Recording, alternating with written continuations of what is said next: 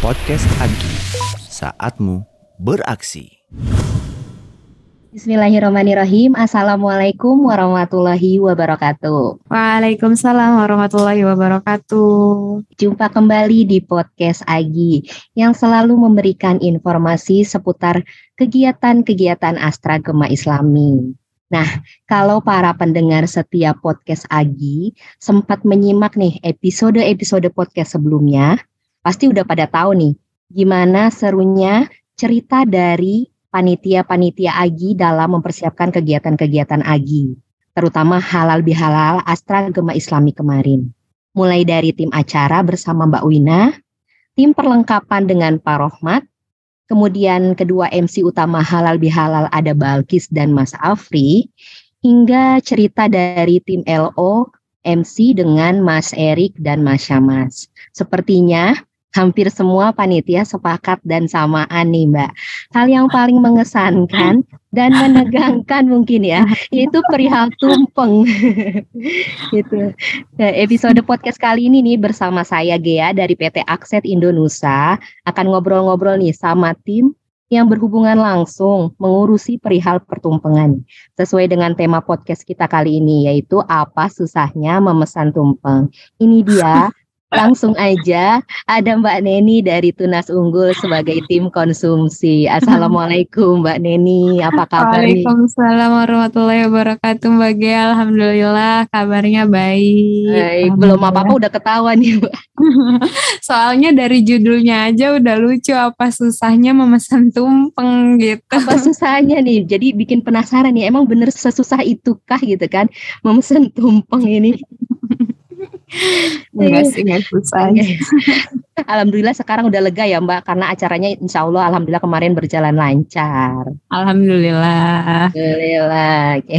Nah sebelum Mbak Neni cerita nih tentang kepanitiaan, tentang tumpeng juga tentunya, mungkin mm -hmm. boleh dulu nih Mbak perkenalan nih barangkali teman-teman profesional Muslim Astra ada yang belum kenal nih nama lengkap Mbak Neni. Terus kan Mbak Neni dari Tunas Unggul, boleh dong ceritain sedikit nih apa sih Tunas Unggul itu? Boleh Mbak? Oh iya, Bismillahirrahmanirrahim. Um, nama saya Neni Eliana Sari dari Tunas Unggul. Jadi Tunas Unggul itu kayak nama wadah berkumpulnya para mahasiswa-mahasiswi binaan penerima beasiswa dari Yayasan Amalia Astra gitu Mbak Gea. Oh gitu. Jadi dia tuh program beasiswa ya Mbak ya. Hmm, yang diberikan Yayasan Amalia Astra. Oke, nih sejak kapan Mbak Gimana itu ceritanya bisa dapat? Hmm, waktu dapat beasiswa tunas unggul itu kebetulan pada saat masih duduk di bangku SMA dan berlanjut sampai ke tingkat mahasiswa dan itu enggak eh, maksudnya enggak ekspektasi gitu bisa lanjut ke tingkat hmm. mahasiswa beasiswanya itu dan hmm. alhamdulillahnya sangat membantu beasiswanya itu bisa sampai menyelesaikan kuliah Neni. Masya Allah. Berarti sekarang udah selesai ya kuliahnya. Dulu kuliahnya di mana tuh Mbak? Dulu kuliahnya di Politeknik Kesehatan, Kementerian oh, Kesehatan. Iya, mm -mm. berarti nggak harus mendapatkan beasiswa tunas unggul tuh nggak harus ke Polman gitu juga nggak harus ya Mbak ya? Iya banyak kok dari universitas-universitas hmm. yang bagus, yang unggulan, yang keren-keren banget Berarti sekarang ini kegiatannya udah bekerja, bekerja di mana tuh Mbak? Kerjanya sekarang di Pusat Kesehatan Masyarakat di daerah Jakarta Utara, di Kecamatan daerah Jakarta Utara Mbak Gia. Oke, berarti memang dari Tunas Unggul, pure beasiswa Tunas Unggul, tapi kerjanya malah nggak di grup Astra gitu kan, karena memang iya. ambil jurusannya itu kes kesehatan ya. Iya bener banget Mbak Gia. Wah keren banget. Dulu tuh gimana tuh Mbak ceritanya bisa diterima gitu, kayak ada ujiannya kah atau memang dilihat dari nilai atau gimana tuh? Oh jadi waktu di Tunas Unggul itu sebenarnya aku tuh waktu di SMA ngikutin kegiatan duta lingkungan. Jadi aku jadi bagian dari duta lingkungan di SMA. Aku dulu SMA 80 Jakarta gitu. Aku oh, ikut yeah. serta menghijaukan lingkungan, mendaur ulang bahan barang, barang-barang bekas gitu. Dan itu tuh jadi kayak suatu apa ya perkumpulan organisasi di SMA 80 gitu dan kebetulan masih kayak generasi pertama gitu. Nah, mm. kebetulan ada kayak uh, workshop-workshop gitu dari Astra untuk perbekalan mengolah daur ulang sampah gitu, terus penanaman um, apa ya waktu itu? Itu diundang sama sekolah atau memang Astra datang gitu loh Mbak? Enggak, jadi ada acara di luar sekolah Oh, yang iya. siswanya ditarik untuk ngikutin acara tersebut gitu. Mm-mm. Nah, itu jadi pelatihan-pelatihan gitu. Nah, Mm. suatu saat gitu ditawarin sama guru. Nah, Mm-mm. ini aja beasiswa ini coba diajukan kan ini juga nilai raportnya sepertinya mumpuni nih untuk eh, bisa dapat beasiswa gitu. Oh ya udah boleh Pak, Bu gitu direkomendasikan dan alhamdulillah dapet gitu. Alhamdulillah gitu. Panjang juga ya ceritanya awalnya karena berbuat kebaikan malah timbal baliknya dapat kebaikan juga buat Mbak Neni sendiri Nah, gitu ya. Alhamdulillah. Alhamdulillah, masya Allah. Oke. Eh kembali lagi nih ke Agi nih Mbak. Ya, Kapan Mbak. sih pertama kali Mbak Neni tuh gabung, terus bantuin di Agi tuh bagian apa tuh awal-awal pertama kali gabung? Aku waktu pertama kali di AGI itu di AGI tahun 2022, AGI ke-12 cuma gabung Mhm. menjadi bagian dari Kakak Astra. Waktu itu kegiatannya pesantren Ramadan Astra membersamai teman-teman kecil di setiap pekan di bulan Ramadan gitu Hmm, dan seperti seru banget. Seru ya, kayak berhubungan sama anak kecil tuh memang seru gitu ya, kayak ramai aja gitu. Memang passionnya mungkin Mbak. Neni di situ. Enggak, justru itu bukan Enggak. passion aku Mbak Gia. Oh, Jadi tuh karena aku kayak orangnya itu mungkin kurang eh, bisa sabar sama anak Anak. kecil, makanya aku mau Ah. coba tuh gitu. Oh. tapi setelah terjun tuh gimana sekarang rasanya jadinya? Jadi ya beda, jadinya bisa Beda ya? em, adaptasi, belajar dari anak-anak itu kan beda-beda ya karakternya Iya, iya. masing-masing itu ya. Oh sama banget gitu. Aku tuh tipe yang dulu tuh memang kayaknya sama anak kecil, ih apa sih rame banget gitu.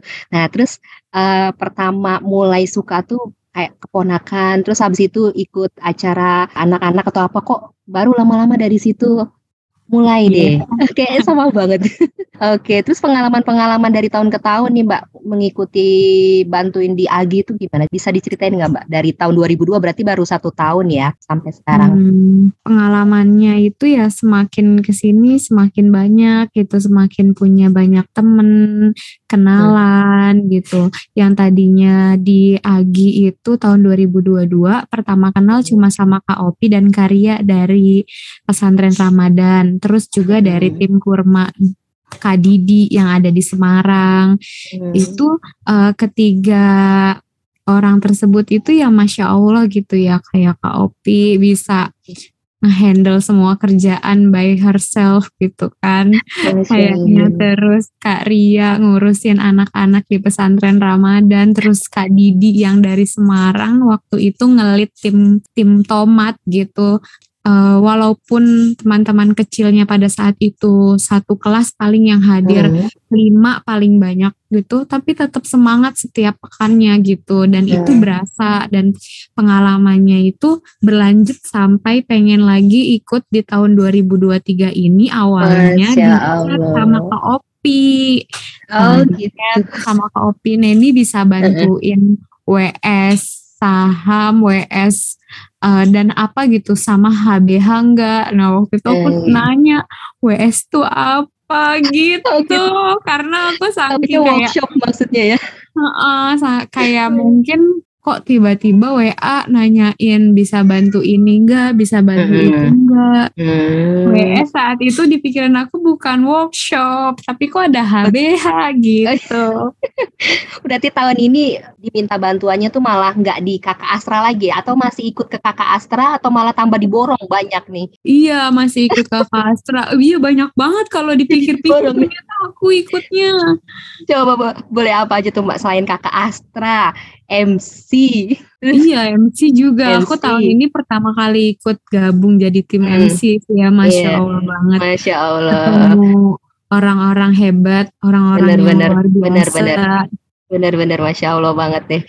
MC, Mm-mm. kakak Astra, terus ngurusin kepanitiaan workshop juga gitu kan ya Mbak ya? Iya, terus serabutan-serabutan bantu Gina di saham, Oh, iya. terus tiba-tiba pas kambing cup ada acara, ada bazar kuliner dadakan, Hamid Hamin tiga apa Hamin dua? Masya Allah itu banget ya. Mbak Gea Kak Opi telepon aku nanya konsumsi ini bisa nggak Mm-mm. Neni? Ya Allah. Aku eh, ini buat kapan Kak? Buat hari Sabtu. Hah tinggal dua hari lagi ya Allah gitu kayak Last minute banget. kayak bener-bener kalau kata Kak Opi kalau nggak dadakan bukan Agi Ya, gitu nggak seru kan tantangannya nggak ada mungkin gitu kali ya. iya Udah gitu dapur challenge juga Hmm. kayaknya tahun ini Oh juga iya, banyak banget benar, acara dapur ya. Challenge, dapur challenge, iya bener. Dan aku juga kedapat kesempatan pertama kali nge-MC itu di acara sendiri dapur challenge chapter 3 Hmm. Alhamdulillah sebagai penutupan Hmm. pengalaman baru menjadi MC di Agi gitu. Ya Allah, betul. Kalau kakak Astra juga kan tapi kan kayak MC juga, cuman kan bedanya Hmm. pesertanya ya anak-anak gitu ya Mbak Neni ya. juga eh, ngebantu nggak tahu ke sini sini kok malah aku kira aku bakal tetap di area Ahwat nih area Ahwat Iya. aku kan emang Aha. dari awal di area Ahwat ngebantu workshop ngebantu Oh, eh, kayak seminar kesehatan wanita dapur challenge kok ke sini sini aku ketarik ke tim konsum sampai di halal Nah. halal akhirnya menjadi tim konsumsi membantu Kak Opi dan Mbak Nah. Tim yang lain Mungkin- gitu Mungkin karena yang tadi itu bazar-bazar kuliner wah kayaknya cocok nih Mbak Neni mungkin makanya tahun ini juga pas halal lebih halal malah masuk jadi tim konsumsi ya. Coba ceritain Mbak ngerjain apa aja tuh di, di tim Eh, konsumsi. waktu itu awalnya sebenarnya masih bingung ya Mbak Gia. Jadi tuh Hmm. em, kayak di area Ahwat itu masih sempat bingung kan halal Mm-mm. bihalal itu ada atau enggak nih pas lagi resik Mm-mm. satu minggu sebelum acara halal Iya iya bihalal itu betul betul. Heeh. ternyata masih banyak yang belum tahu kalau ternyata itu uh, akan ada area ahwat nih gitu Ah. sedangkan tidak diperkenankan banyak orang banyak kerumunan Mm-mm. gitu kan mencegah Mm-mm. gitu dan pada akhirnya difiksasi oke area ahwat adanya di Masjid Astra dipisah Mm-mm. dengan acara halal bihalal yang ada di gedung Amdi gitu Jadi nah ke, terus kebagi itu. kebagi kan fokusnya. Nah, terus aku kok kayak lebih condong ke konsumsi ya di ininya Halal di halal bihalalnya Mm-mm. gitu. Gimana nih area awal sedangkan Mm-mm. teman-temanku kayaknya belum eh, siap banget nih gitu. Mm-mm. Mm-mm. Padahal itu hamin satu minggu kan Mbak untuk area ahwat. Iya. Dan gitu eh, temanku yang eh, Mbak Gina ya Mm-mm. hubungin pembicaranya itu sempat wah banyak banget kendalanya Iya. gitu. Pokoknya banyak Mm-mm. juga kendalanya itu di area Ahwa tapi alhamdulillahnya ya atas izin Allah Allah Masya mudahkan Allah. Iya. kalau benar. misalkan niat kita baik kan niat niatnya betul, itu betul. menyatukan silaturahmi ya Mbak. Silaturahmi benar benar benar kan silaturahmi juga memanjangkan Hmm, melancarkan rezeki katanya kan salah Iya, satunya benar. itu bener nggak sih Mbak? Iya benar Mbak Gia. Makanya sebenarnya Mbak Neni itu harusnya kebagi awalnya kan ahwazon ya eh tapi kok halal bihalal malah jadi tim konsumsi nih tugasnya kalau di tim konsumsi apa tuh Mbak? Dari tim tim konsumsi sendiri itu eh, sama ya Hamin satu minggu masih mikirin Mm-mm. jumlah konsumsi yang dipesan berapa Mm-mm. banyak.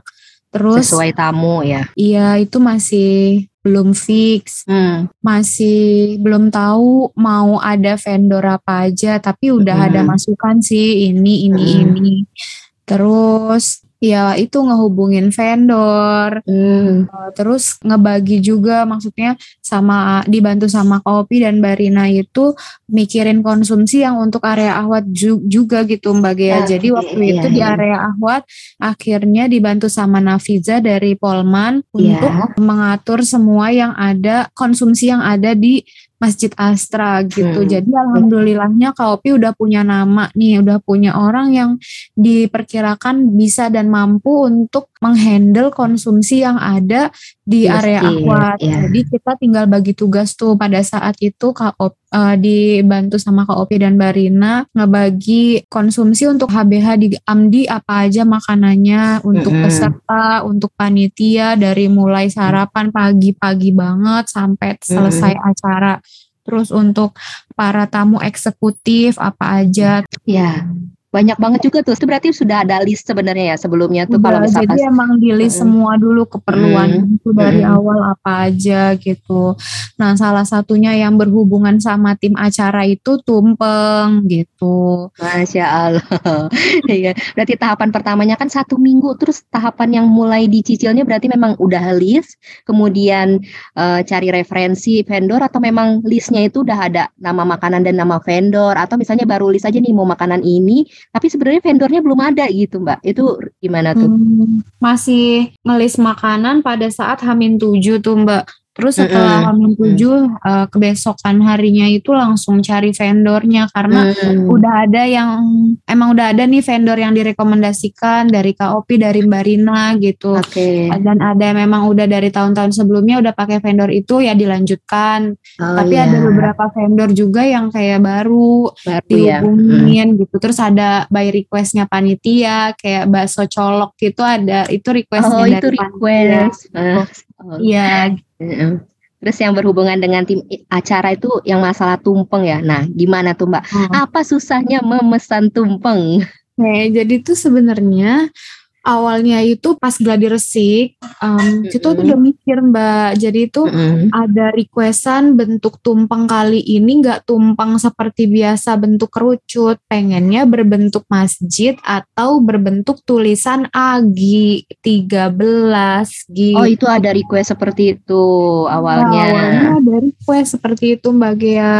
Um, Mm. sampai kita tuh saat itu uh, aku Kak Opi dibantu Gina Nun banyak deh satu link satu meja bundar tuh ya kayak konferensi kita tuh Mm-mm. cari Mm-mm. referensi bentuk tumpeng yang masjid gitu. Akhirnya sampai ketemu nih bagian nih bentuknya. Oke yang kayak gini. Kayaknya Mm. kalau nggak salah waktu itu udah ACC Pak Ganjar, udah ACC Mm. Kak Opi, Mbak Rina yang kayak gini bentuknya oke gitu kan. Mm-mm. Nah, langsung tuh cari vendornya hari itu juga ada beberapa nama nih. Cuma waktu langsung dihubungi minta request seperti gambar ini tumpengnya nggak bisa gitu beberapa Oh. vendor gitu kan. Nah, ada nih satu vendor yaitu dia yang menjadi narasumber dapur challenge dan kebetulan Oh, iya. menjadi juri pada saat eh, lomba menghias tumpeng di area Ahwat. Berarti ada ininya ya, apa namanya? Ada berhubungannya gitu. Memang sudah diniatkan ada lomba tumpeng, terus sekalian memang memesan tumpeng atau seperti apa tuh Mbak Den? Makanya kan tuh nggak ada bisa- bisa seperti keterkaitannya itu kan? tadinya. Iya Oh, tadinya tuh nggak ada keterkaitannya. Cuma emang Hmm. kalau lomba tumpeng itu udah dari awal banget.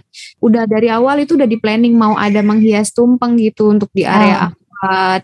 Ya. Jadi uh, lomba menghias tumpeng tuh emang udah dari jauh-jauh hari Mm-mm. perencanaannya.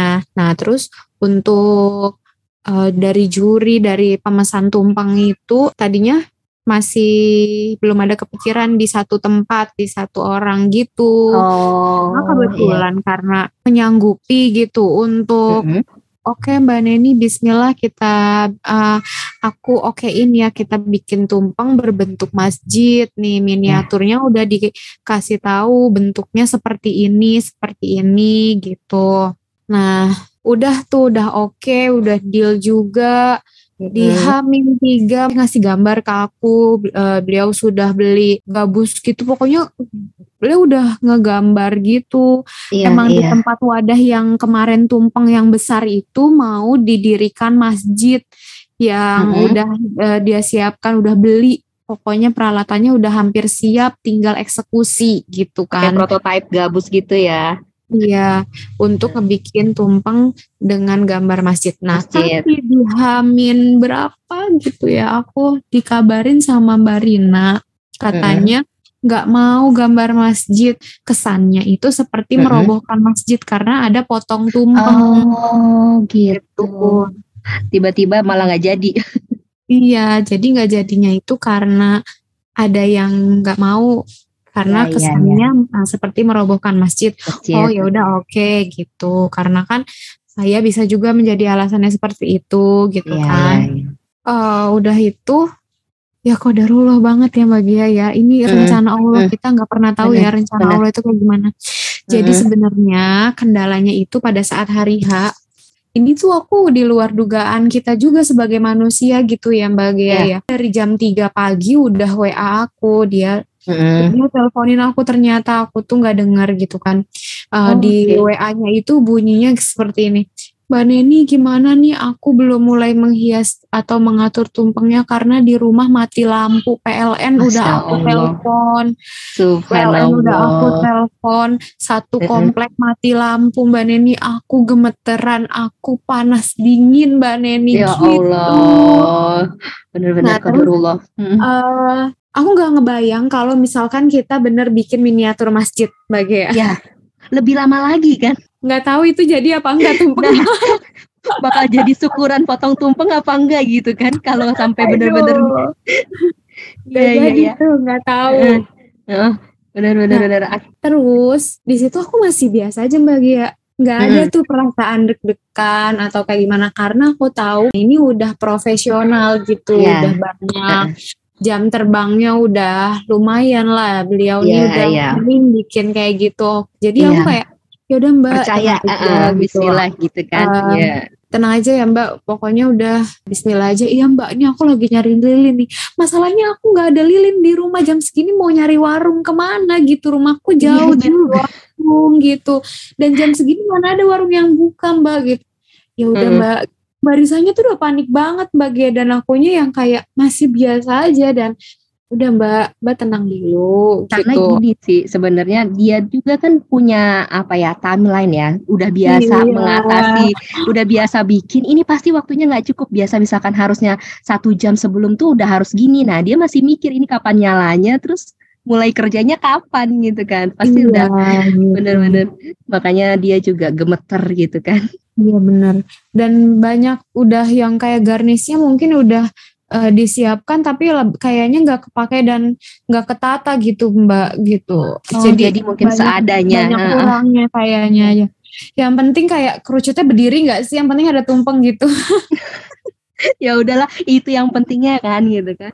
Nah, Terus jadi emang kalau juga ada dua ya. ada dua itu, jadi sebenarnya malah tadinya itu nggak yang polos kayak gitu loh Mbak, yang nggak yang kerucut tok langsung lurus gitu tadinya yang mau Mm-mm. kayak berjenjang beliau tuh udah Oh iya udah iya iya. fotoin udah ngedesainin kayak gini-gini loh mm-mm. mbak kayak emang udah terkonsep gitu tapi Iya, ya iya. tadi lah manusianya berencana Allah yang ngatur semuanya gitu kan ya mungkin ini jadi salah satu apa ya pembelajaran juga bahwa ya benar manusia bisa berencana A Rencana sampai Z benar. gitu kan Iya. yang menentukan tetap Allah gitu Iya benar benar benar nah terus aku kayak jam berapa ya? Aku setengah enam apa jam lima lewat 15 tuh aku otw kan dari rumah ke Amdi.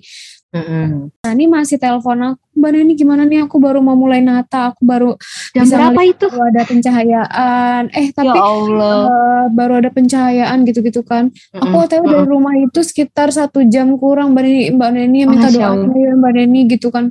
Sampai minta doa ke aku kan gimana coba Mbak Iya. Kan aku jadi eh ya udah Mbak Risa tenang supaya Mbak Risanya lancar Mbak Risa harus tenang iya iya Mbak Neni aku tenang sampai tarik napas di telepon ya Ya Allah Satu Jadi- jam dari rumahnya di ini kan ya, di Tangerang ya. Ih, di BSD Serpong itu jauh banget. jadi bukannya kepengen jadinya bukan kepengen pesen tumpeng tuh yang jaraknya jauh cuman yang Mm-mm. menyanggupi pada saat itu kan untuk mendesain tumpeng Gitu ya. dengan gambar masjid Iya. dan DP udah Mm-mm. jadilah ibaratnya kan nggak mungkin pembatalan sepihak ya udah kan Iya. jadinya Ya. seadanya gitu dan sebenarnya Iya. nggak pengen seadanya juga tapi yang sudah terkonsep juga tapi ya seperti itu karena terkendala hal yang di luar dugaan kita sebagai manusia gitu mbak Gia. Iya. Subhanallah. Tapi itu sebenarnya Mbak Neni tahu nggak jadinya tuh tumpengnya ada dua dua tower gitu, dua Tahu, tower kayak tahu. apartemen Oh, udah tahu ya. Eh, emang tadinya tuh malah eh, kalau misalnya tadinya nggak bentuk masjid eh, saya bikinin tiga tower mbak Tapi kan sempat tambah bingung tuh mau Tambah bingung itu aja udah kelamaan ya Bu Tif itu motongnya jadi kebingungan. Ini motong yang sebelah mana gitu. terus ngambil lauknya juga banyak ya karena variasinya tuh betul. banyak gitu. Ya, iya, iya, iya, iya, betul, betul, betul, betul. Masya variasi Allah. variasi Iya. lauknya banyak Tapi masya Allah sih memang eh, tidak selalu apa yang kita rencanakan sesuai dengan rencana ya tapi Nah itu Ah, lagi Mbak, ya ada- ada lagi ada lagi. Jadi tuh eh, aku kan si saking sibuknya teleponin vendor juga selama acara gitu kan Mm-mm. ada vendor Mm-mm. snack untuk panitia peserta segala macam nutu eh, Oh, iya, membantu nata dan membagikan konsumsi gitu nggak kerasa jam udah menunjukkan setengah delapan nih Mbak Gia dan Mbak Risa belum belum datang gitu oh lagi di jalan kali ini ya. Eh, aku lanjutin tuh pekerjaan Mm-mm. aku ya Mm. jam 8 karena taunya itu ditanya sama Pak Rohmat atau sama Kak Opi ya gitu Neni tumpang udah sampai mana lagi di jalan kayaknya? Pas aku lihat ya udah jam 8 janjian Nggak jam berasa. 7, gitu kan. Eh, akhirnya aku coba telepon Barisa ngehubungin WA ngechat gitu kan. Ya nah di situ aku udah mulai rasa nggak enak nih gitu nggak enak. Mm-mm. aku tak nge WA Mbak Risa kok nggak dibales-bales gitu Mm. yang Mm-mm. lebih yang bikin panik itu karena nge-WA nggak dibales loh Mbak Gea. Jadi Iya, kan iya. nggak ibaratnya apa nggak ada kabar gitu. Iya, kejelasannya jadi bingung juga nih ya kan. Buruknya apa keadaan eh, Heeh. baiknya itu kasih kabar gitu. Mm-mm. Baiknya itu kasih kabar. Nah, ternyata pada saat itu ceritanya dia nyetir mobil yang Ya balas Allah. akhirnya anaknya gitu. Oke. Nah, Oke, eh, oke. bilang gini, tante maaf, mama lagi nyetir, ini aku anaknya. Eh, Mm-mm. Sebentar lagi kita 15 menit lagi sampai gitu kalau le- Mm-mm. lihat maps. Lihat Nah, map ya. Kan waktu itu jam 8, oke jam 8.15 nih aku tanya, gimana kak masih bisa eh, jam segini sama siapa ya? Waktu itu Mm-mm. aku lupa aku tanya masih masih bisa gitu kan, tapi yang penting eh, jam segitu kan. Oh akhirnya em, udah jam 8.15 kok nggak dateng nih, nggak nyampe nih tumpeng ke mana gitu kan. Aku lagi kok aku spam, aku spam chat itu nggak dibales juga. Ya Allah. Um, Heeh. Terus aku telepon gak diangkat, aku telepon gak diangkat, mbak, mbak, Iya. mbak, mbak, Wah, aku um, soalnya aku ditanya juga kan sama Pak Rohmat, Iya. sama Kawina, wah Kawina Iya. udah ngechat aku, terus Kayaknya udah bingung banget. Kawina udah ngechat aku ke, ah, wah udah nggak baik-baik aja nih gitu kan. Terus uh, akhirnya yang tadinya aku di ruang acara utama untuk biar aku tenang gitu ya, aku ke tempatnya eksekutif nih. Eh d- duduk cari tenang aku supayanya aku bisa berpikir gitu kan. Aku video call video call nih video call akhirnya video call Mbak Risa. Kenapa Mbak? gitu kan ini tadi ternyata aku salah jalan Ya gitu. Allah. aku lihat maps eh keterusan kebablasan Mbak Neni. Padahal itu di chat dia bilangnya itu udah ngelihat gedungnya. Udah ngeliat gedungnya katanya gitu. Udah Nah. ngeliat gedungnya.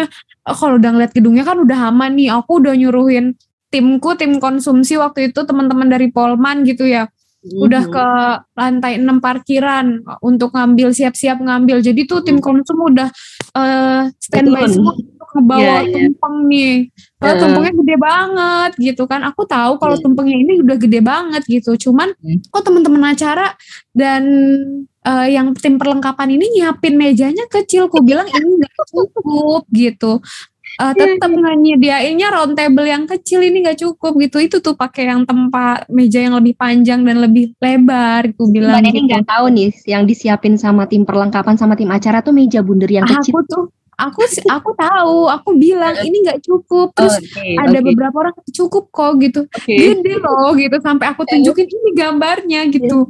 Heeh. gitu itu soalnya bilangnya kan untuk 50 porsi ya mungkin Barisa langsung bikinin 50 porsi di situ tapi nggak semuanya di Hmm. situ karena emang ada yang terpisah lagi sih lauknya gitu.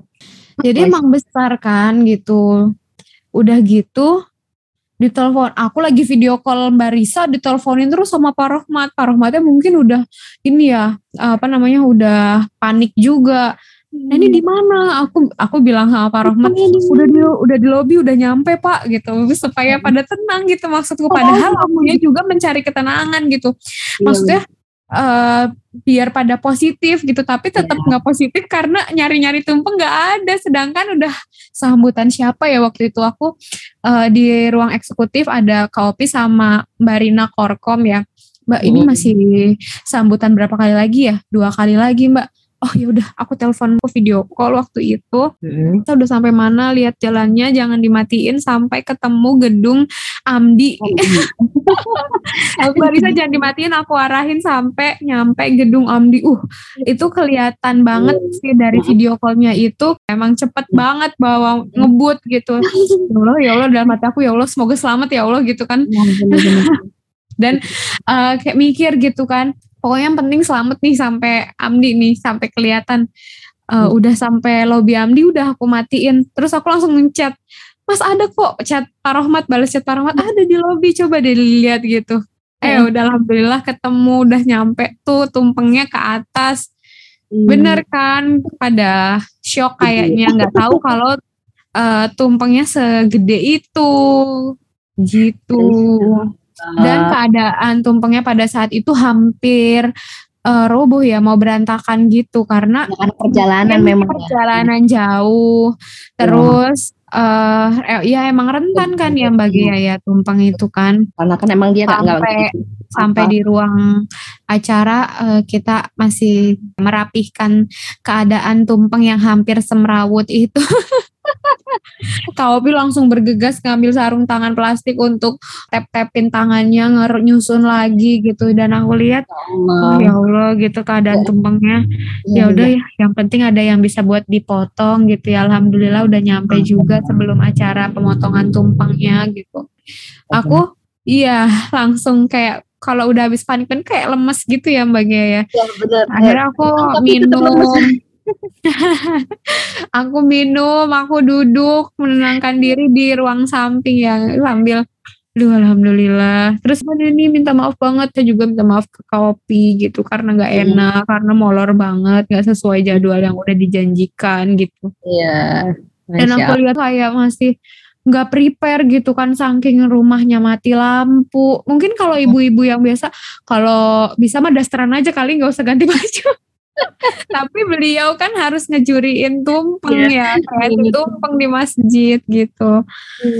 Iya Ya, benar. Bener-bener ya. Iya. Mbak Neni di di luar nalar manusia. Tapi kan di dalam tim ini kan pasti Mbak Neni nih selain Mbak Opi, siapa lagi yang yang paling berperan banget nih di tim konsumsi yang bantuin Mbak Tim Neni. konsumsi bantu aku itu teman-teman dari Polmanastra. Ya waktu itu aku baru Banyak kenal banget yang berbekas itu namanya Ahsan ya dari Polman. Heeh. Eh, sama temennya ada ya beberapa itu cowok-cowok itu.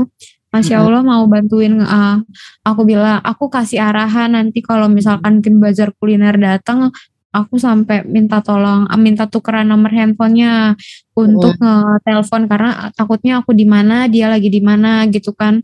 Sayangnya sih waktu itu kayak kurang ya komunikasinya menurut kayak HT itu mungkin perlu kali ya untuk aku sama temen yang lain itu komunikasi selain handphone gitu. Karena handphone itu eh media yang lain pada saat un- acara itu. Nggak kayak mungkin juga kayaknya kalau kalau misalnya lagi acara tuh megang handphone tuh kayak lebih susah. Iya. Iya dan aku kok kayak aku sendiri handphone itu untuk telepon-teleponin vendor gitu kalau Iya, bisa ya iya, yang iya. lain gitu kan. Akhirnya Ahsan pun sempet aku ini Ahsan punya handphone dipegang dibunyiin gitu. Aku kan telepon biar Ahsannya nggak bolak-balik karena aku sendiri kasihan sama sama dia bolak-balik bolak-balik gotong makanan sana sini sana sini akunya kayak eh, minta tolong terus gitu. Karena aku sendiri nggak mungkin kan ngangkat-ngangkat. Karena kan lumayan banyak dan berat gitu kan bagi gitu. Iya iya masya Allah. Nah, nah selain dari tim internal konsumsi sendiri nih Mbak kan pastinya juga pihak eksternal kayak tim-tim yang lain yang paling banyak berhubungan sama bantuin di tim konsumsi ke Mbak Neni ini tim apa aja nih Mbak coba? Perlengkapan sih ya Mas Perlengkapan ya. untuk Pak ya.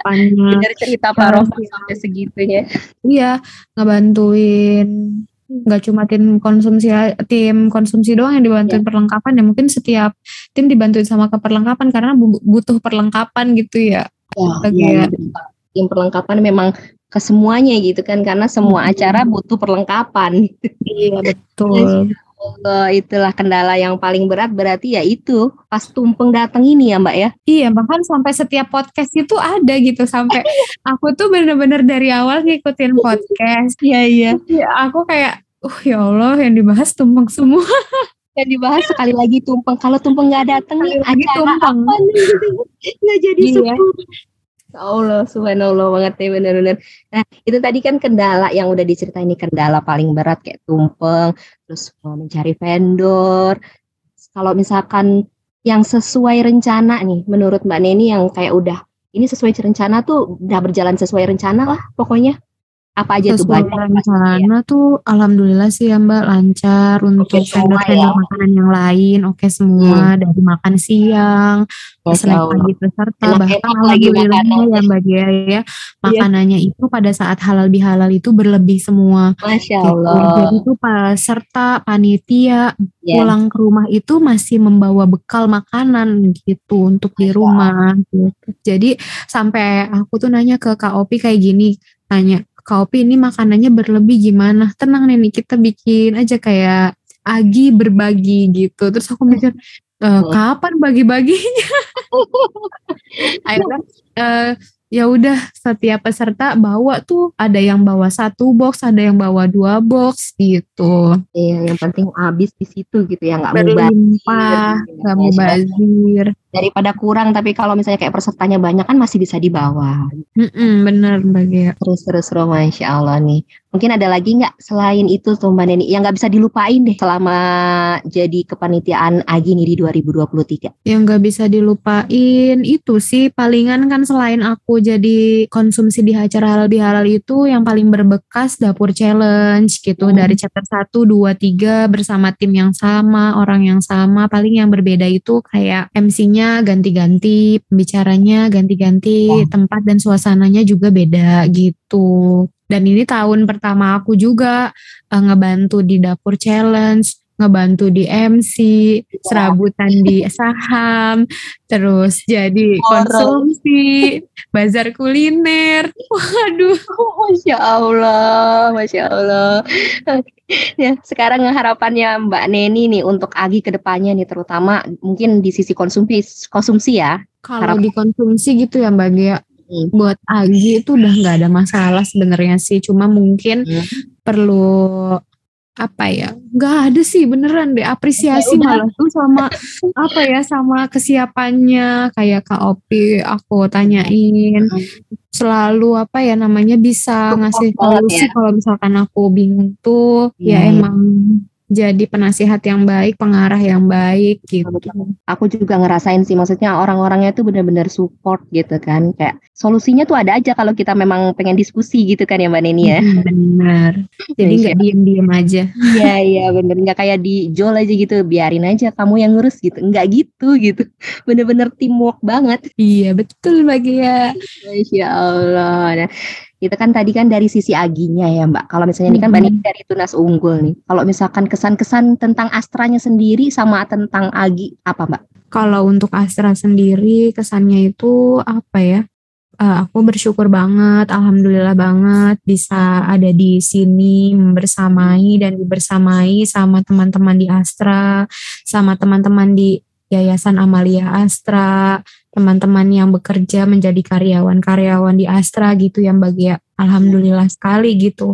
Bisa berbagi pengalaman, mengambil ilmu dan pengalaman juga dari teman-teman, dari kakak-kakak, dari bapak ibu semuanya. ya Mbak ya. ya Mbak Gea yang ketemu orang yang soleh-solehah, masya Allah, alhamdulillah gitu. Pokoknya suatu uh, nikmat yang perlu disyukuri selain uh, apa ya nikmat harta gitu adalah nikmat Betul, bertemu dengan orang-orang yang soleh-solehah.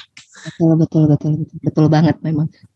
Baik, terakhir nih Mbak nih, mungkin ya pesan-pesan untuk teman-teman profesional Muslim Astra mungkin ya di seluruh Indonesia, boleh. Em, kalau untuk profesional Muslim Astra untuk Agi tahun depan, semoga teman-teman profesional Muslim Astra bisa mengikuti kayak dari DKM-nya ya, Mbak Gea kemarin itu DKM banyak banget yang udah ikut di setiap rangkaian acara Asra Gema Islami dari awal sampai akhir dan itu Masya Allah gitu. Kalau misalkan masih ada yang belum ikutan ya semoga di tahun depan makin ramai peserta Agi dari uh, seluruh Indonesia, Indonesia. gitu ya perusahaan Astra yang ada di Indonesia gitu. Terbatas Karena juga ya. banyak banget manfaat yang bisa diambil dari acara-acara Agi ini dan insya Allah ya ke depannya acara di Agi ini akan terus maju dan berkembang gitu. Jadi sayang banget kalau profesional Muslim Astra ini eh, nggak ikut Di itu. acara Agi gitu. Jangan sampai dilewatkan gitu kan ya Mbak Neni. Banyak banget manfaatnya gitu. Ah, Masya Allah, nggak kerasa nih Mbak kita udah berapa menit kita ngobrol kayak nggak kerasa kan kalau misalnya ngobrol Iya, ngalor ngidul gitu kan. Ya. Ya karena terbatasnya waktu mungkin nih Mbak, mungkin cukup sampai di sini aja kita ngobrol-ngobrol Mbak di podcast kali ini nih. Terima kasih banyak kepada Mbak Neni nih yang udah join. Makasih juga Mbak Gia udah nemenin ngobrol. Masya Allah. Cerita-cerita nih gimana keseruannya di panitiaan Agi. Semoga tahun depan masih bisa terus kontribusi ya Mbak ya. Amin, semoga diberikan waktu yang luang. Amin. Sehat. Kesehatan. Betul, betul. Amin ya robbal alamin. Nah sebelum podcast Amin. kali ini kita akhiri nih. Mari kita berdoa Amin. penutup majelis. Subhanallah. Subhanallahumma. Wa bihamdika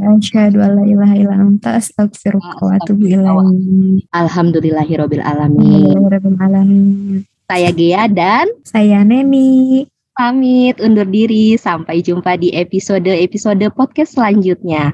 Wassalamualaikum warahmatullahi wabarakatuh. Waalaikumsalam warahmatullahi wabarakatuh. Podcast Agi, saatmu beraksi.